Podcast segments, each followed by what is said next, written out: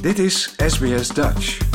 Op sbs.com.au slash Dutch staan nog meer interessante verhalen. SBS, a world of difference.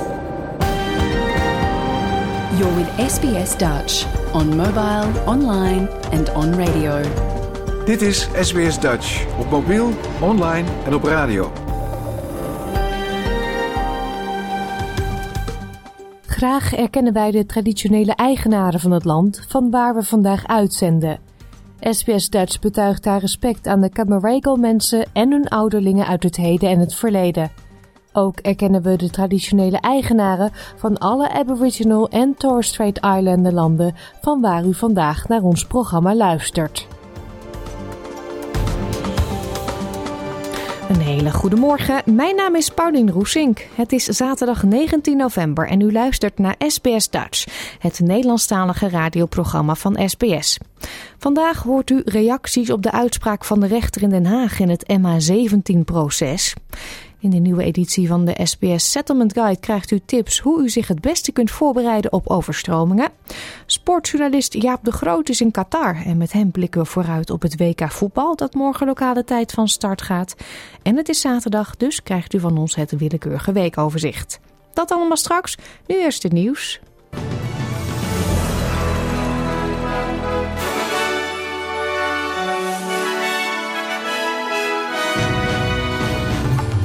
Dit zijn de headlines van het SBS Dutch Nieuwsbulletin van zaterdag 19 november. Klimaattop met dag verlengd. Helft energienet Oekraïne plat door Russische bombardementen. En geen alcohol in stadions in Qatar.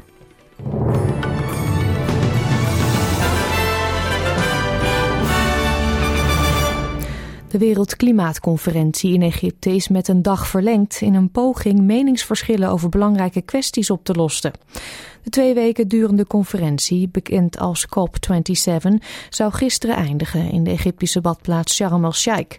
Maar de Egyptische minister van Buitenlandse Zaken, die tevens de voorzitter is van de klimaattop, heeft gezegd dat de conferentie met een dag wordt verlengd om de onderhandelaars meer tijd te geven. On Monday we shifted gears and accelerated the pace of our work.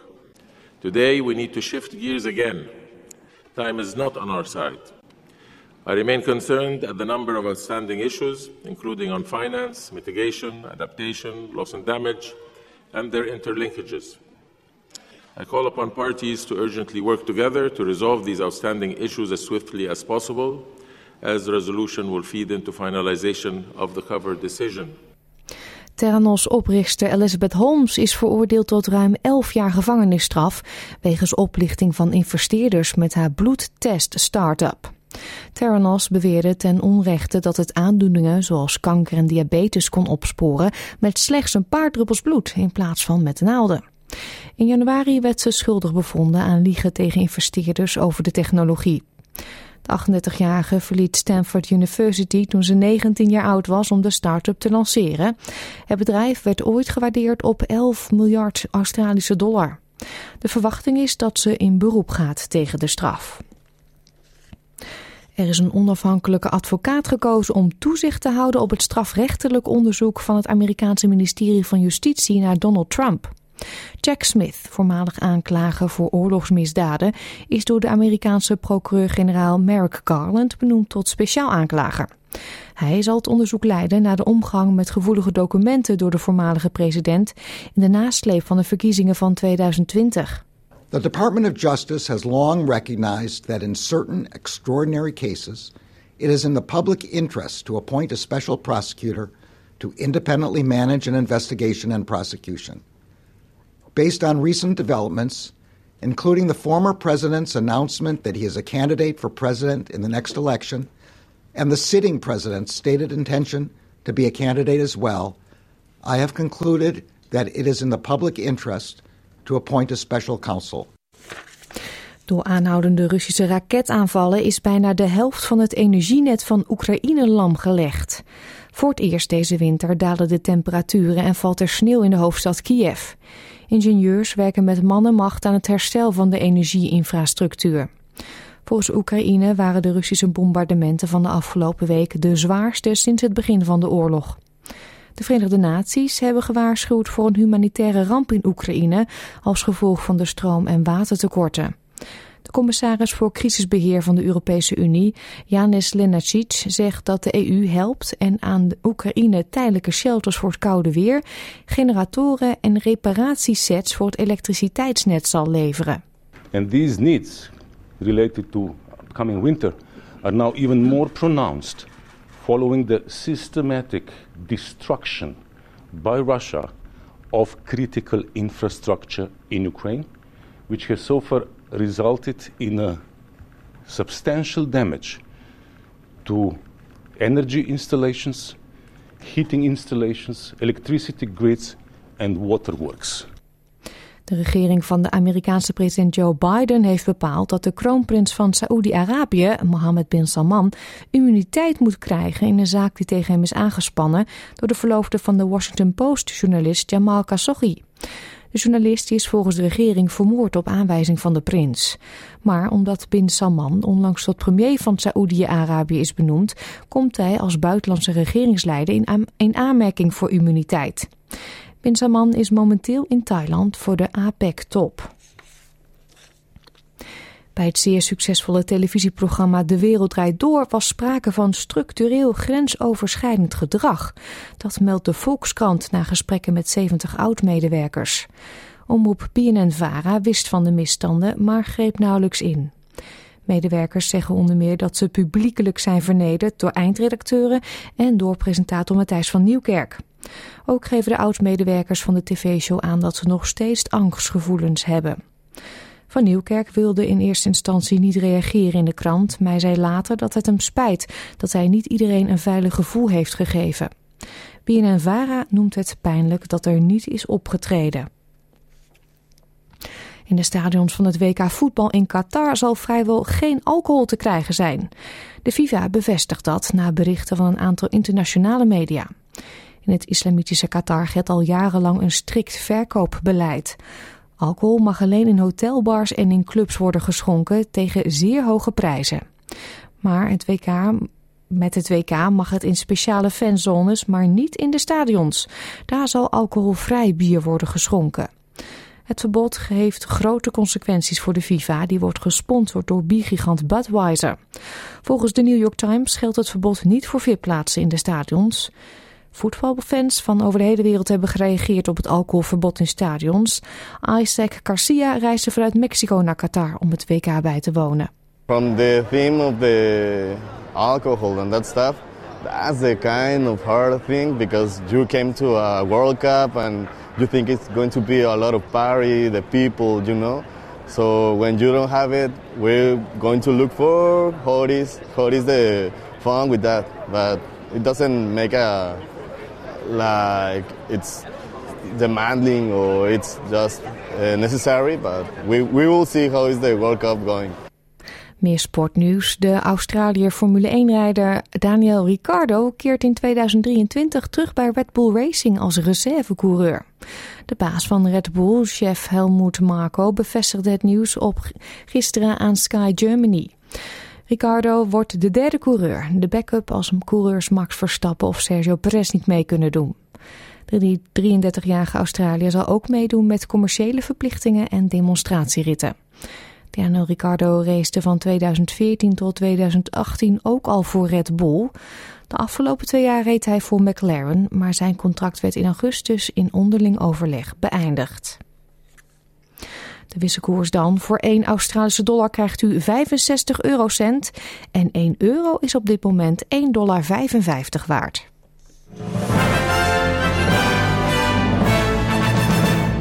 Kijken we nog even naar de weersverwachting voor vandaag. In Perth vallen een paar buien en wordt het 20 graden. Adelaide ook buien en de wind neemt daartoe 25. Melbourne kans op buien met onweer 24. Er ontstaan buien in Hobart 22 graden. In Canberra vallen een paar buien, 23. Het is zonnig in Wollongong, ook 23. Sydney ook zonneschijn, 24. De zon laat zich zien in Newcastle, 27 graden. Brisbane overwegend zonnig, 28. Cairns hetzelfde, maar iets warmer met 33 graden. En in Darwin een paar buien mogelijk met onweer en 34 graden. Dit was het SBS Dutch Nieuws.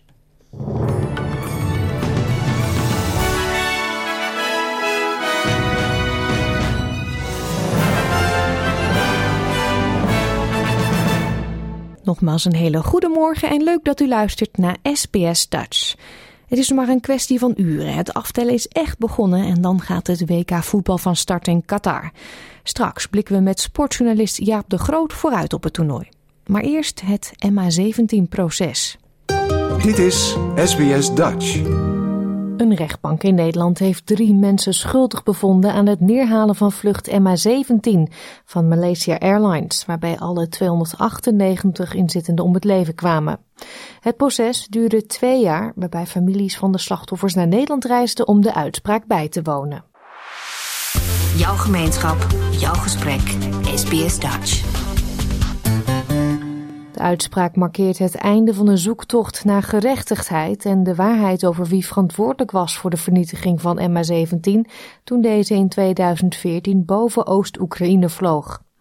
Twee Russische staatsburgers en een Oekraïense separatist werden schuldig bevonden aan de moord op de 298 passagiers van de vlucht. Onder de doden waren 38 Australiërs die onderweg waren van Amsterdam naar Kuala Lumpur. De drie mannen werden bij verstek veroordeeld tot levenslange gevangenisstraf. Eén Rus werd vrijgesproken wegens gebrek aan bewijs.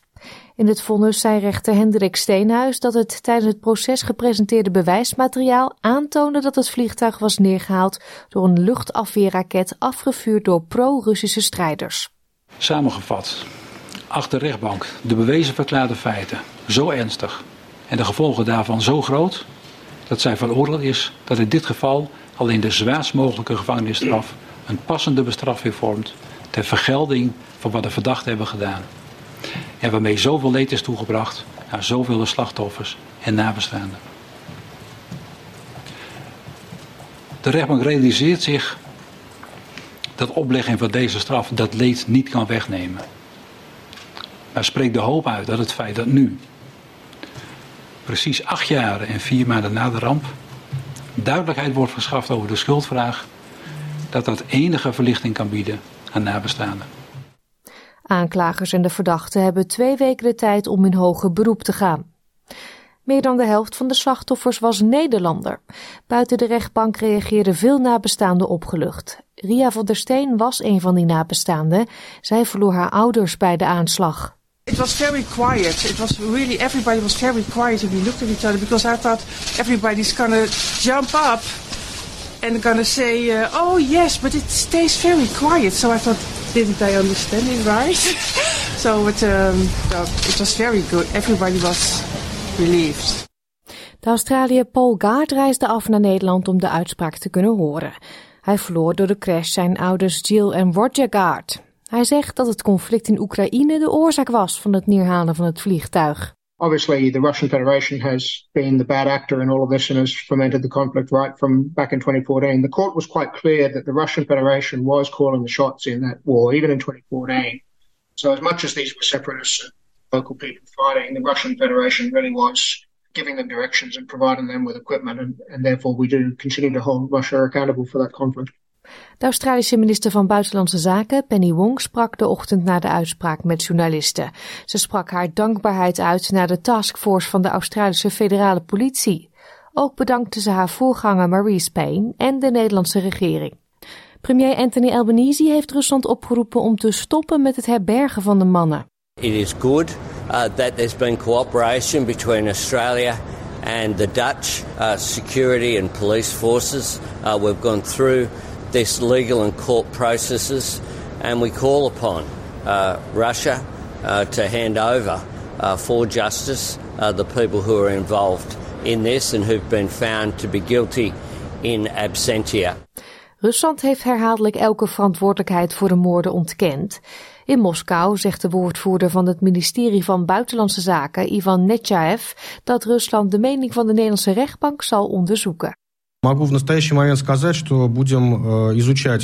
We will study this decision because in these issues every nuance matters. After studying the legal document, we will probably then be ready to comment on it.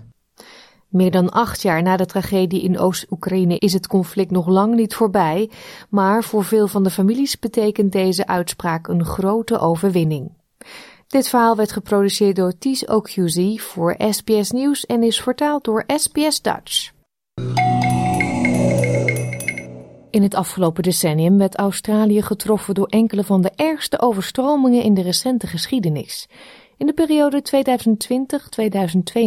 2020-2022 hebben grote gebieden drie tot vier keer onder water gestaan. Door intense regenval zijn rivieren herhaaldelijk overstroomd en dit heeft in sommige overstromingsgevoelige gemeenschappen catastrofale schade aangericht aan infrastructuur en huizen. Het heeft zelfs mensenlevens gekost. In deze SBS Settlement Guide krijgt u antwoord op de vragen als hoe weet je of er extreem weer aankomt, hoe kun je hierop voorbereiden en waar kunt u aankloppen voor hulp. Dit is SBS Radio Dutch. Wanneer zware buien overtrekken en overstromingen toeslaan, vertrouwen de meeste communities in Australië voor hulp op de hulpdiensten van hun lokale staat of territorium. Deze organisaties, algemeen bekend als de SIS, helpen gemeenschappen met de voorbereiding op noodsituaties om zo hun risico's te minimaliseren. Ze helpen bij evacuaties en bij het opruimen en repareren nadat de regen is opgehouden en het water is gezakt. Elke SIS is afhankelijk van een hoogopgeleide vrijwilligers, zoals Christina Sabato, die al vele jaren in New South Wales dient.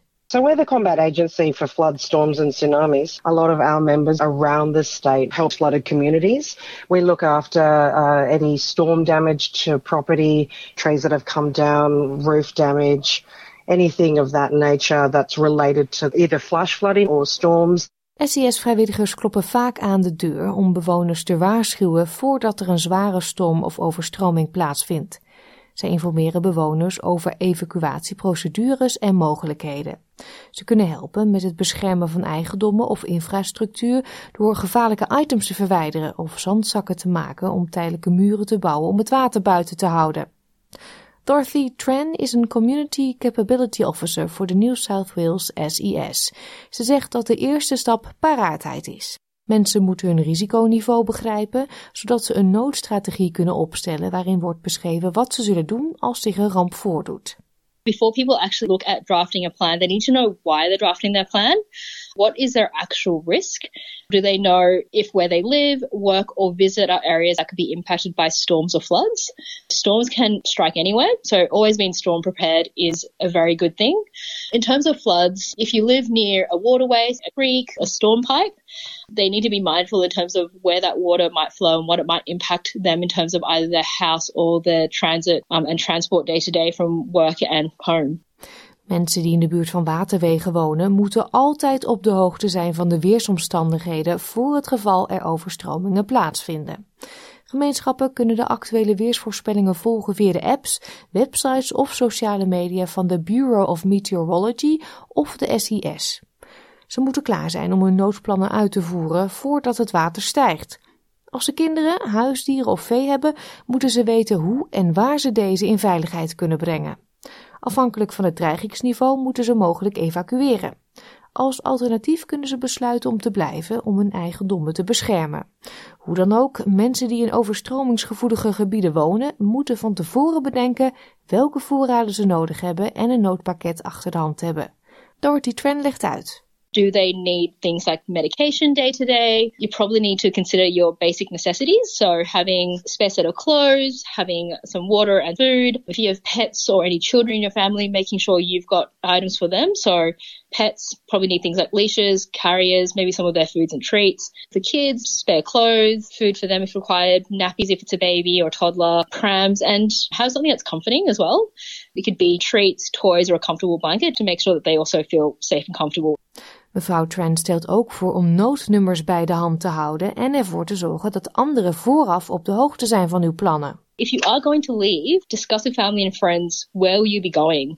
Can you go to another family and friends place outside of the affected area? Will you need to go to an evacuation center? If you're the main translator in your family, the main English speaker, the household members you have who might be left behind, do, do they know what to do if you're not in the house? We have heard of stories where grandparents looking after their grandkids a storm or a flood hits and do the grandparents know what to do with the kids if they need to evacuate? Sharing and practicing your plan is really important. Noodzakelijke items om in te pakken zijn batterijen, zaklampen, kaarsen, regenkleding, dekens en toiletartikelen.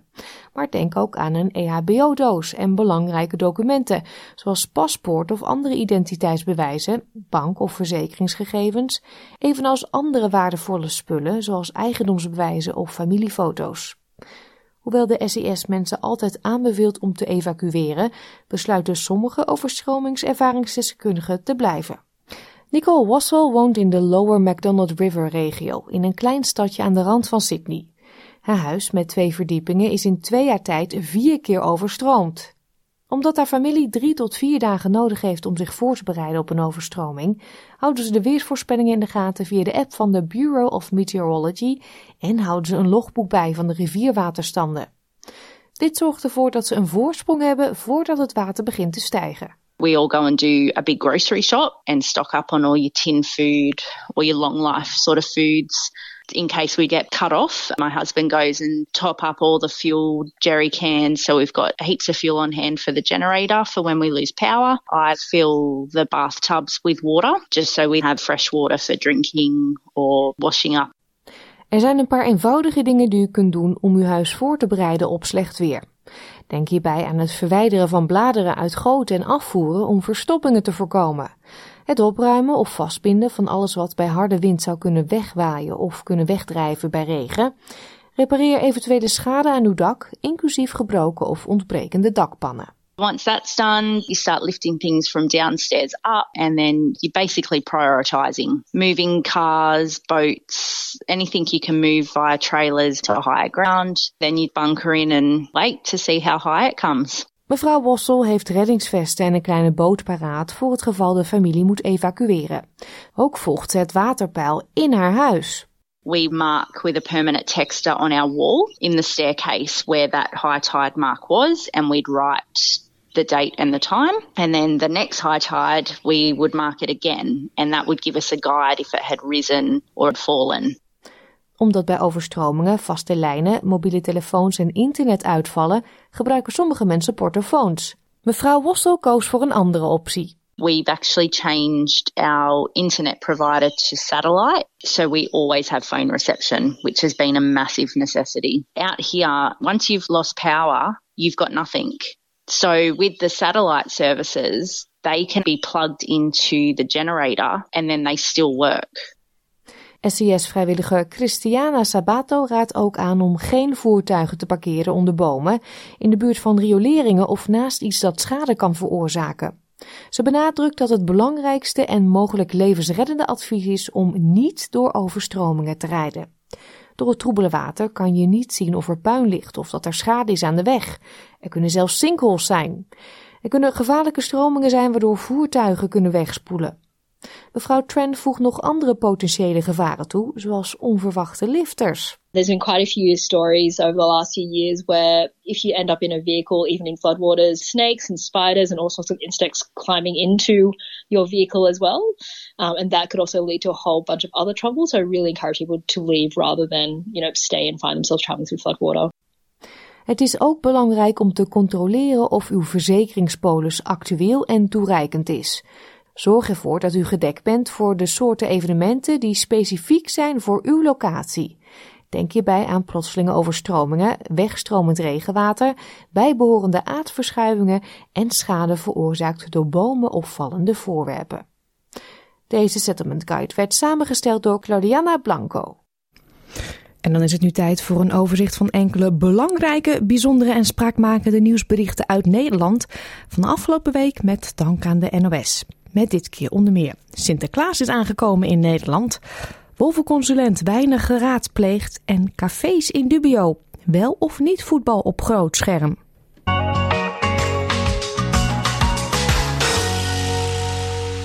Vol verwachting klopten vele kinderharten. Afgelopen weekend was namelijk de intocht van Sinterklaas in Nederland. Maar zoals dat altijd gaat, was het tot op het laatste moment spannend of de Sint wel op tijd zou aankomen. Of die wel zou aankomen eigenlijk, want eerder was namelijk in het Sinterklaasjournaal te zien geweest dat de stoomboot gezonken was. Uiteindelijk kwam alles natuurlijk goed. Voor deze keer maakte de Sint de overtocht met zijn eigen vliegtuig, de Goedheiligman 1. En tijdens de live-uitzending werd bekend dat Hein Klein, de bouwer van de nieuwe stoomboot, zich vanaf nu Piet Hein mag noemen. Met de naam wordt natuurlijk verwezen naar de bekende zeevader. U hoort een stukje uit de uitzending van de intocht van de NTR. Een boom met vlechten.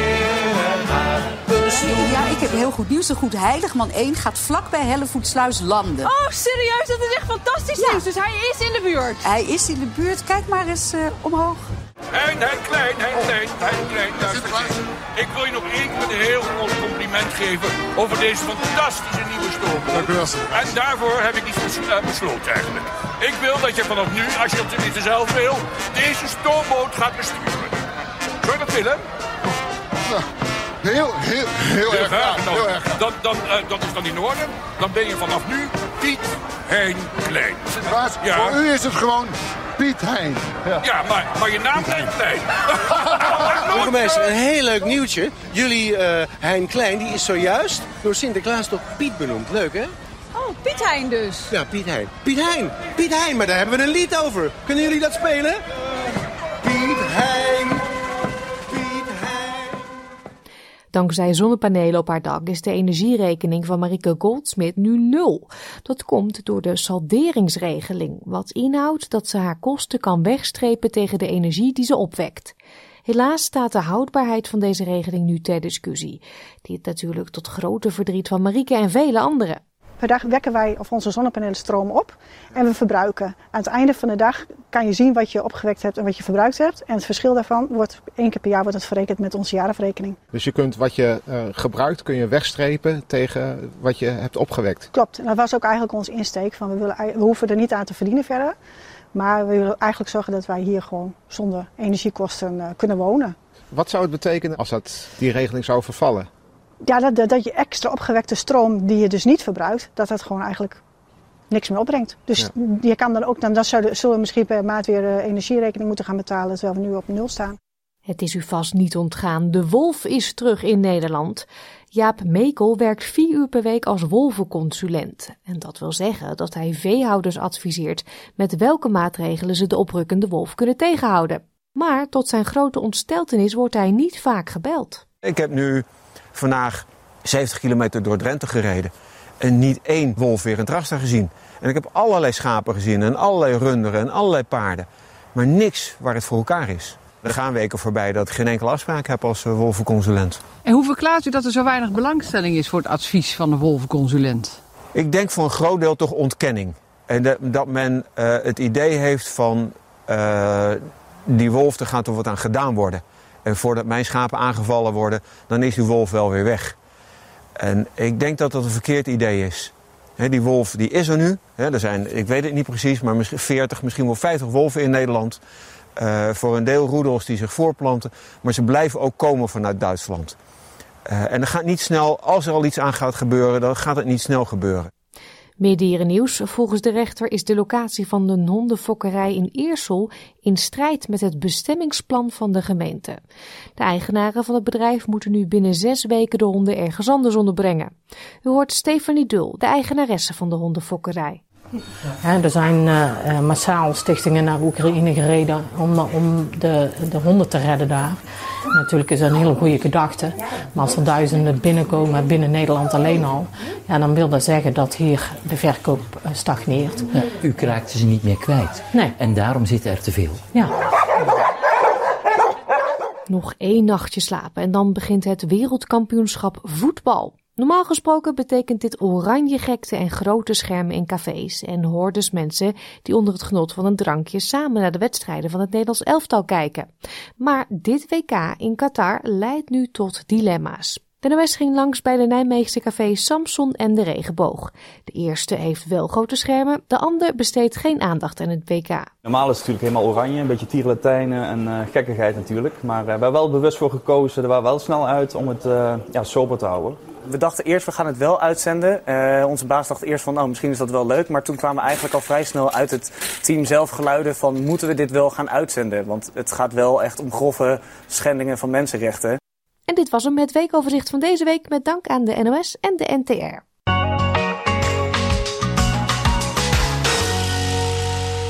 Morgenavond lokale tijd gaat in Qatar het wereldkampioenschap van start. Sportjournalist Jaap de Groot is in Qatar om, het, om de prestaties van het Nederlands elftal te volgen. En gisteravond belden we hem om vooruit te blikken op het toernooi. Jouw gemeenschap, jouw gesprek, SBS Dutch. Nederland is natuurlijk normaal helemaal gek met oranje, maar het lijkt nu een beetje. Mensen weten niet zo goed wat, er, wat ze ermee aan moeten. Hoe, hoe voelt het voor jou als journalist? Nou, kijk, het hele WK heeft natuurlijk alles door elkaar gehusseld. Het is een winter-WK wat we nog nooit meegemaakt hebben. Het is een, een WK met een behoorlijke rafelrand. Hè, want het is een gekocht of omgekocht WK. Het is via steekpenningen verworven. En je ziet nu ook, weet je, dus vandaag kwam weer het bericht dat voor de openingswedstrijd Qatar-Ecuador dat acht spelers van Ecuador zouden zijn omgekocht. Ja, dit soort verhalen gaan als een rode draad door dit WK lopen. Uh, UEFA en FIFA uh, maken goede sier met de leus fair play. Nou, alles wat fair play niet is, heeft in de hele aanloop van dit WK gezeten. En ja, ik merkte het gisteren ook uh, toen ik hier naartoe vloog. Ik vloog met een KLM. Ja, zit je een paar dagen voor het WK. En dan verwacht je natuurlijk een kist vol met oranje supporters. Hmm. Nou, twee derde van, van het vliegtuig zat vol met uh, supporters uit Ecuador en Argentinië. Ik heb niet één oranje petje gezien. Nee. En ook op het vliegveld zelf zag ik twee oranje shirts rondlopen. Maar die maakten een tussenlanding op weg naar Abu Dhabi om naar de Grand Prix met Max Verstappen te gaan. Ja, die rijdt natuurlijk ook die nog. Die zondag ook verreden wordt. Dus ja, het leeft niet. Het komt bij, het is waanzinnig duur. Ik zit nog twee nachten in mijn hotel. En uh, vanaf zondag gaat de prijs van mijn kamer uh, naar 950 Amerikaanse dollar. Ik had geïnformeerd naar een drie sterren hotel. Die normaal gesproken zeg maar, uh, 80 euro kost. 70 euro. Kost nu ongeveer 500 euro. En over het algemeen gaan de hotelprijzen hier met 500 tot 1000 procent omhoog. Dat is voor Jan met de pet, of de supporter met de pet, niet te betalen. Nee. Het gekke is, dan denk je West-Europa, daar zit het geld. Maar het zogenaamde arme continent Zuid-Amerika, ja, die, die komen met duizenden tegelijk hier binnen. En dat hebben we natuurlijk van de zomer in juni al meegemaakt. Met die, uh, met die play-off tussen Australië en Peru. Ja, toen waren een paar honderd Australische supporters zaten er hier in Doha. Maar ik denk zoiets van 15.000 tot 20.000 Peruvianen. Dus ja, het kan een indicatie zijn van, uh, van hoe gek het continent voor voetbal is, wat het absoluut is. Maar het geeft ook wel aan dat het WK niet echt in de westerse landen leeft. Nee, nee. Je bent dus nu in Qatar. Trainingen kun je nu gaan, uh, gaan bewonderen. Hoe staat Oranje ervoor? Want zij hebben al hun eerste training gehad natuurlijk. Ja, ja, ja ze hebben gisteravond voor de bühne hebben ze dan nog zo'n wedstrijdje tegen de arbeidsmigranten gespeeld. Waar ik toch wel uh, mijn vraagtekens achter zet. Ik vind met dit soort dingen. Ik had ook een gevoel dat Virtue van Dijk zich niet echt zo lang bij voelde. Het was wel heel erg voor de bühne. Maar, maar ja, voor de rest, ja, uh, aanloop naar de eerste wedstrijd, die wordt echt heel erg belangrijk. Het is uh, tegen Senegal, de, uh, Afrikaans kampioen, echt met een ongelooflijk sterk team. Zelfs zonder Mané, de spits van Bayern München, die, waarvan gisteren bekend is geworden dat hij het hele toernooi gaat missen. Vanwege een blessure. Maar die wedstrijd moet Nederland gewoon goed doorkomen. Want als je zou verliezen, dan is het vervolg gewoon heel complex.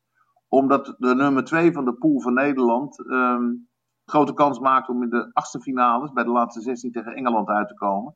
En Engeland is voor mij toch wel een van de favorieten, ook voor de wereldtitel. Hmm, ja, want met wie zit Nederland allemaal in de pool? Uh, Senegal, uh, Ecuador en Qatar. Die spelen zondagavond de openingswedstrijd van het toernooi. En normaal gesproken moeten die twee het, uh, moeten voor Nederland te pakken zijn. Alleen ja, ja, ik blijf er ook bij. Als je de eerste wedstrijd tegen Senegal niet goed afsluit. Een, een, organiserend land wat in de eerste ronde wordt uitgeschakeld. Dat gebeurt niet vaak. En dat maakt het gewoon heel uh, complex als je de eerste wedstrijd niet goed doorkomt. En de voorbereiding daarop is natuurlijk minimaal geweest. En Van Gaal wil toch het systeem veranderen. Hij wijkt af van het klassieke Nederlandse model van 4-3-3. En hij wil wat hij in 2014 in Brazilië tijdens het WK ook deed het 5-3-2. Dat houdt in dat vijf spelers anders moeten gaan voetballen dan bij hun clubs uh, gewend zijn. Dus dan heb je toch iets dat het automatisme bij die spelers worden, worden aangetast. Ja, en dit is wel een toernooi waar je tegenstander gewoon meer dan 100% gemotiveerd is. En je handelingssnelheid in denken en doen gewoon maximaal moet zijn. Dus ja, we gaan het zien. Ja, vorige week werd uh, de selectie bekendgemaakt en uh, daar zaten toch wel wat verrassingen bij. Zo was er heel veel ophef over het feit dat uh, Jasper Sillissen, een doelman, niet geselecteerd was. Is dat stof al een beetje neergedwarreld weer? Ja, kijk, wat dat betreft hebben ze het wel goed gedaan. Ze hebben afgelopen vrijdag een persconferentie gehad en ze hebben maandag in Nederland nog de pers te woord gedaan. Ja, er zijn heel veel vragen gesteld toen is het gedaan. En hier in Qatar is de focus toch wel op het WK gericht. En uh, je gaf het al aan, de, de, grote vraag wordt, wie wordt de eerste doelman van het Nederlands elftal? Want er is niet echt een doelman die er bovenuit steekt. Ook ze niet. Ja, en je, je selecteert toch anders. Hè? Je, het seizoen is kort geweest. Je moet al naar, uh, wat is het, naar 12, 13 competitiewedstrijden moet je al knopen doorhakken. Want anders had je een heel seizoen om te analyseren wie in vorm is, kijken hoe of wat. En dan, dan had je vier weken van tevoren kon je, kon je gaan voorbereiden. Ja, nu, nu is het eigenlijk vier dagen. Of eh, ja, vier, vijf dagen. En je moet al aan de bak. Dit, eh, ja, ook, ook wat dat betreft is dit een bizar WK. Met een normaal WK, dit is mijn twaalfde WK. En die voor, elf voorgaande, ja, dan leef je naar zo'n toernooi toe. Dan ging je al twee weken in Nederland voorbereiden. En dan ging je vervolgens ging je een dag of tien van tevoren naar het land waar het georganiseerd werd. Dus uh, ja, dan, dan werd het, uh, de hele WK-koorts werd vanzelf opgebouwd. Ja, er is nu geen sprake van. Nee, nee uh, Van Gaal, het is zijn laatste toernooi als bondscoach. Hoe is de sfeer in het ploegie? Nou, ik moet wel zeggen, dat vind ik wel, dat was wel klonk als muziek in mijn oren. Tijdens de eerste persconferentie ging hij echt met een gestrekt been erin. Door aan te geven dat ze voor de wereldtitel gaan en dat hij gelooft dat deze ploeg daartoe in staat is. Dat zijn ehm, woorden die je wil horen voor een groot evenement. Sport is uh, het onmogelijke nastreven en is altijd, uh, altijd willen winnen. En uh, met die uitspraak heeft hij dat wel onderstreept. Dus wat dat betreft kan ik niet wachten tot, tot eerste fluitsignaal op, op maandag tegen Senegal. Want dan, ja, dan gaan we echt zien waar het Nederlands elftal staat. Ja. Dat is ook gewoon niet helemaal duidelijk natuurlijk door die beperkte voorbereiding. Nee. Um, Australië zit in de pool met Frankrijk. Dat is ook meteen bam hun eerste wedstrijd, hè, woensdag. Ja, dus meteen uh, vol erin. En, uh, ja, Frankrijk, de regerend uh, wereldkampioen, laten we dat ja, even ja, noemen ja, natuurlijk. En die, en die komen echt op behoorlijke oorlogsterkte. Dus Benzema heeft zijn beste seizoen ooit gehad. Is gekozen tot speler van het jaar. dus ja, dat, dat wordt een hele klus. En Frankrijk is natuurlijk ook gewoon favoriet voor de wereldtitel.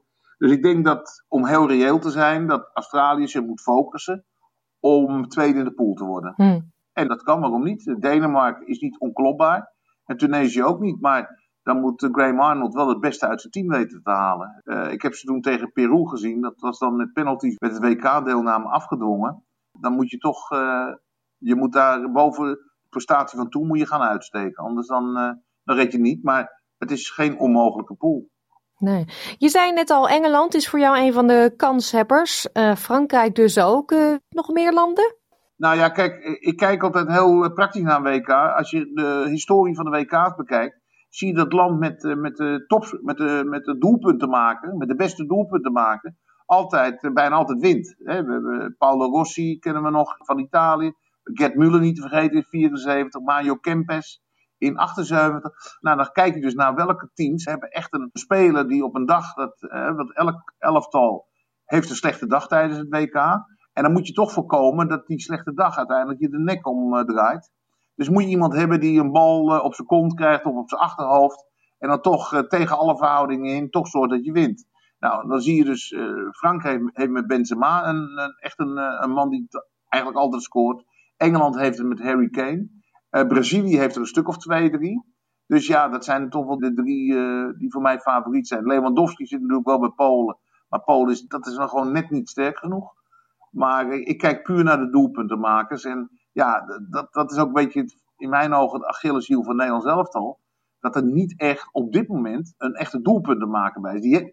En als je dan echt gaat analyseren, dan kom je toch heel gek op Luc de Jong uit die, uh, die vooral als pinch hitter wordt gebruikt. Maar ja, hij is wel hot. Hij is wel de man die bij PSV het verschil maakt. Echt op beslissende momenten, of het nou tegen Monaco is of tegen Ajax, zijn doelpunten pakt. Maar dat deed hij ook bij Sevilla.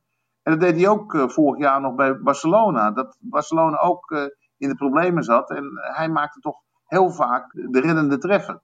Dus ja, ik moet eerlijk zeggen, als blijkt dat die Luc de Jong hot is, waarom zou je niet met hem gaan beginnen? Weet je, uiteindelijk, eh, wat ik al zeg, je moet er doelpunten te maken hebben om, om ver te komen op, op een WK. En ja. ja, hij is hot. Nou ja, we gaan het zien. Ja, we gaan het zeker zien. Morgen begint het WK. We gaan kijken en we gaan jou in de toekomst nog veel vaker spreken. We kijken daarnaar uit. Dankjewel. Oké, okay, Paulien, hou je goed. Wilt u het wereldkampioenschap voetbal volgen? Download dan de SBS On Demand app op je favoriete device en kijk overal en altijd naar de FIFA World Cup. Alle wedstrijden zijn gratis en live te bekijken. Volgt u liever de wedstrijden via de radio? Luister dan in heel Australië naar verslaggeving van SBS Radio. Dit kan via digitale radio, online op sbs.com.au/radio of via de gratis SBS Radio app. We komen hiermee aan het einde van deze uitzending van SBS Dutch. Wilt u onze verhalen nog een keer beluisteren? Ga dan naar onze eigen website www.sbs.com.au/dutch. Ik wens u een fijn weekend en graag tot woensdag. Like, deel, geef je reactie.